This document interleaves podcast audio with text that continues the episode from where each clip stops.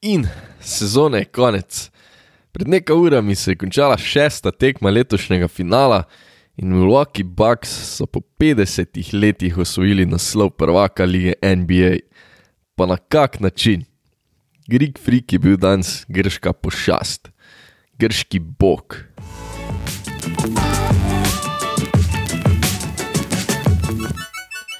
Na domačem parketu polni dvorani in 65 tisoč navijači pred njo, so jelenčki iz Wisconsina s 105 proti 98 ugnali Phoenix Suns in serijo spravili na 4 proti 2, da so po parketu leteli konfeti. Itak, moram mal predelati srečanje kot celoto, ampak tudi če bi se danes pogovarjali samo o Janisu Antetakumpu, ne bi bilo nič narobe. Zdaj že okronan MVP finala, je postavil klicaj na tekmo in dosegel 50 točk, 14 skokov in 5 blokad. Pa kljub tem številkam, ki sem jih ravno kar naštel, še vedno najbolj impresivna statistika ostaja, da je zadev 17 od 19 prostih metov. Ob norem številu jih je metal 90 posto, na to bi bili ponosni tudi najboljši šuterji v zgodovini. Ante je prvi igralec, ki je na zaključni tekmi finala dosegel 50 točk od Boba Petita iz leta 1958. Poleg tega je poleg Šakila Onila drugi košarkar s tremi finalnimi tekmami preko 40 točk in 10 skokov. Gledali smo zgodovino. Zgodovino od basketaša, ki si je par tednov nazaj koleno spigal na vznoter od mentalno trdnega, fokusiranega basketaša, ki je veliko dvomljivcem zaprl usta. Šel je na vse in posest za posestjo kazal, če se je zmožen. In na koncu so rabili čisto vsako njegovo piko. Janis je dominiral od začetka do konca in Milwaukee držal v igri. Dokazal je ne le, da je najboljši košarkar na parketu, ampak gladko je najboljših na planetu. Phoenix zanj preprosto ni imel odgovora. Napadal je in napadal, spletu noč ne more Dendriju Aitonu, ki je sicer delal vse, da bi ga upočasnil, ampak se je že v tretji četrtini znašel v težavah z osebnimi napakami. Pa še to je bilo mal pozno, ker so Janisa danes kar precej fizično provali ustavljati. Nič slabega, trd basket nam je všeč. Bil je v svojem elementu, šel je na vsako žogo in proval blokirati vsak met nasprotnika, kar je sicer vodilo do par goaltendingov, po drugi strani pa tudi do neverjetnih petih blokad in praktično enako dominantne napadalne in obramne predstave. Noro. Samo zvest pa je pol sekala že ven z dvorane, ko je začel Janis Antetokounmpo capati fadeaway s pol razdalje. Preprosto niso ga mogli ustaviti in to je njegova veličina. Vsi se zavedamo, da je izjemno enodimenzionalni igralec In čeprav vsako leto malo doda svoji igri, eh, v zadnjih nekaj sezonah je naprimer precej izboljšal svoj playmaking, se noben ne trudi skrivati, da je glavno, pa veliko krat edino orožje Grka, neverjetna atletska sposobnost in prodiranje pod obroč. Ampak v tem aspektu je tako čudo, dejanski frik, da kljub temu, da vsi vemo, kaj bo naredil, ga preprosto ne morejo ustaviti. Je prehiter, premočen, preveč agilen. Ustaviš ga lahko sam s popolno zaporo rakete, kar so v preteklih letih nasprotniki delali. No, letos pa mu je tudi ekipa pomagala. Ko je podal, so zadeli, ko so ga podvajali, so jih kaznovali. In kljub temu, da si tudi sam nisem mislil, da bo tako hudo dominiral, je treba prob zdati celotni ekipi. V finalu pa tudi Kristus Jezus, ne vem, redom to rekel, ampak Michael Badenholzerju, ki se je prilagajal, reagiral in Janisu omogočil, da je dominiral. Je pa glavna razlika Bucksov od preteklih let, da so Erika Bledsoja menjali z Drewem Holidayem. Ne bom se pretvarjal, da je dosegel moja pričakovanja, napadalno je imel še eno grozno tekmo z 12 točkami in 21 odstotnim metom iz igre, sicer 11 asistenc ampak pri Džiruju Holidayu se vedno lahko zaneseš na elitno, elitno obrambo. Že v prejšnji epizodi sem omenil, da se je forma na svoji polovici igrišča stopnjevala, danes pa je prikazal še en masterclass. Maltretiral je Krisa Pola in predvsem Devina Bookerja, ter jim je onemogočil izstopajočo predstavo.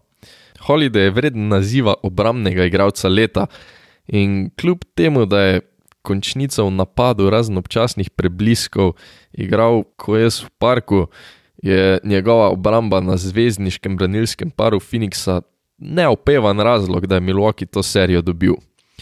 Chris Middleton je imel dokaj tiho tekmo, večino časa je bil kar neopazen, na koncu sicer 17 točk ob solidnem metu iz igre, so se pa spet nam zanašali v ključnih trenutkih.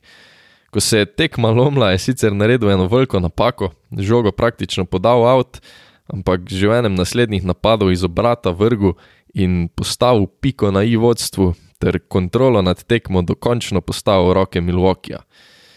Je pa na tej tekmi treba res izpostaviti še Bruka Lopeza pa Bobija Portisa, ki sta vskočila takrat, ko Janis ni imel pomoči drugih dveh zvezdnikov in Bak se je pomagala držati nad vodo, ker ni bilo nekih res norih predstav. Po drugi strani pa je treba izpostaviti tudi Peta Konetona, ki je špila tako slabo, da iskreno ne vem, zakaj je Banholzer sploh še delal noter. Bil je neverjeten handicap v obrambi, metal je posiljene trice, tekmo pa ob 23 odigranih minutah končal z nič točkami in plus minusom minus 21. Res bogo. Na drugi strani pa je imel Phoenix kot celota dokaj neizstopajočo tekmo. Chris Paul je delal vse, kar je lahko, igral več tistega znamenitega pick and rolla in tekmo končal pri 26 točkah, ampak v prvem polčasu je svalil nekaj popolnoma nepokritih midrangerjev.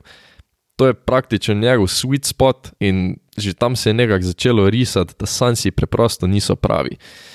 Ejtonu je probleme delal Janis, velike probleme, v napadu pa je bil Diendre preprosto Bugarajč.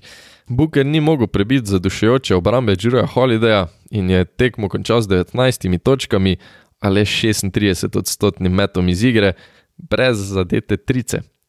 Pozitivne prebliske je v prvem polcajtu kazal Cameron Payne, ki pol zaradi neznanega razloga ni igral več skoraj nič, kljub jalovemu procentnemu izkupičku pa je pri Phoenixu vredno izpostaviti še Jaya Crowderja, ki se je trudil, pobiral skoke, pa tako igral trdno, kvalitetno košarko. Celostno gledano, če izvzamemo, da smo vsi sam gledali, kaj Jan izdela, je bilo to tako kar raztrgano srečanje. Sojenje spet ni bilo glih čudovito, veliko takih brezveznih malih napak, ampak so bile na obeh straneh, tako da se nekako verjetno izenači. Po nenormalnih strelskih predstavah na peti tekmi sta skup moštvi danes jutraj metali sam 23 odstotno za 3, kjer lahko tudi hit najdemo razlog za zmago Milwaukeeja, ki je preprosto višji, močnejši in lažje živi v raketi. Phoenix pa jim brez dobrega meta z razdalje preprosto ni mogel parirati. Ponovno so imeli Baxi krepko več skokov, kar se je pokazalo za veliko prednost Milwaukeeja v tej seriji. Tekmo je zaznamovalo ogromno zgubljenih žog, predvsem prva polovica prve četrtine je bila grozna na obeh straneh. Eh, očitno so na začetku prevladali živci. Milwaukee je pol prvo četrtino dobil za 13 točk, drugo četrtino pa so zgubili z delnim rezultatom 13 proti 31. Predvsem Janisova konstantnost pa jih je pol na sredini tretje četrtine dokončno popeljala v vodstvo. Sirena je oznanila konec, Baksi so prvaki in na koncu so poskrbeli za nekaj res všečnih, iskrenih momentov, ki so nakazali to ves med njimi. Eh, ta ves pa je zdaj praktično nezlomljiva, ker tudi če se nikoli več ne menijo med sabo, so skup dosegli nekaj, kar je za mnoge vrh košarke. Tako da ja, tekma polna napak na obeh straneh, na koncu pa je zmagalo moštvo s pošastjo na igrišču in franšizi po 50 letih suše preneslo pokal Larryja O'Briena, ki drugič v zgodovini Roma Milwaukee. Predvsem po zaslugi tokrat omenjenega Abrahama, točk MVP-a finala Janisa, The Greek Freaka, Anteta Kumpa. In da si sposodim Twitter besede CJ-a McColluma, mislim, da lahko Milwaukee kar začnejo graditi njegov kip.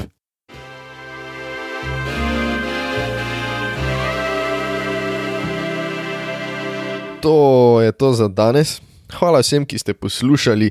Izjemno pa vam vesel, če se odločite naročiti, oceniti ali pa napisati review, ker to face pomaga podkastu. Navdušen bom, če podate kak komentar, kritiko, tudi mogoče, kaj si želite slišati, ker je od naslednjih epizod. Najbolj pa vam vesel, če se odločite priporočiti prijateljem, ker vsaj v mojih očeh to pomeni, da vam je res od srca všeč. Se čujemo naslednji teden. either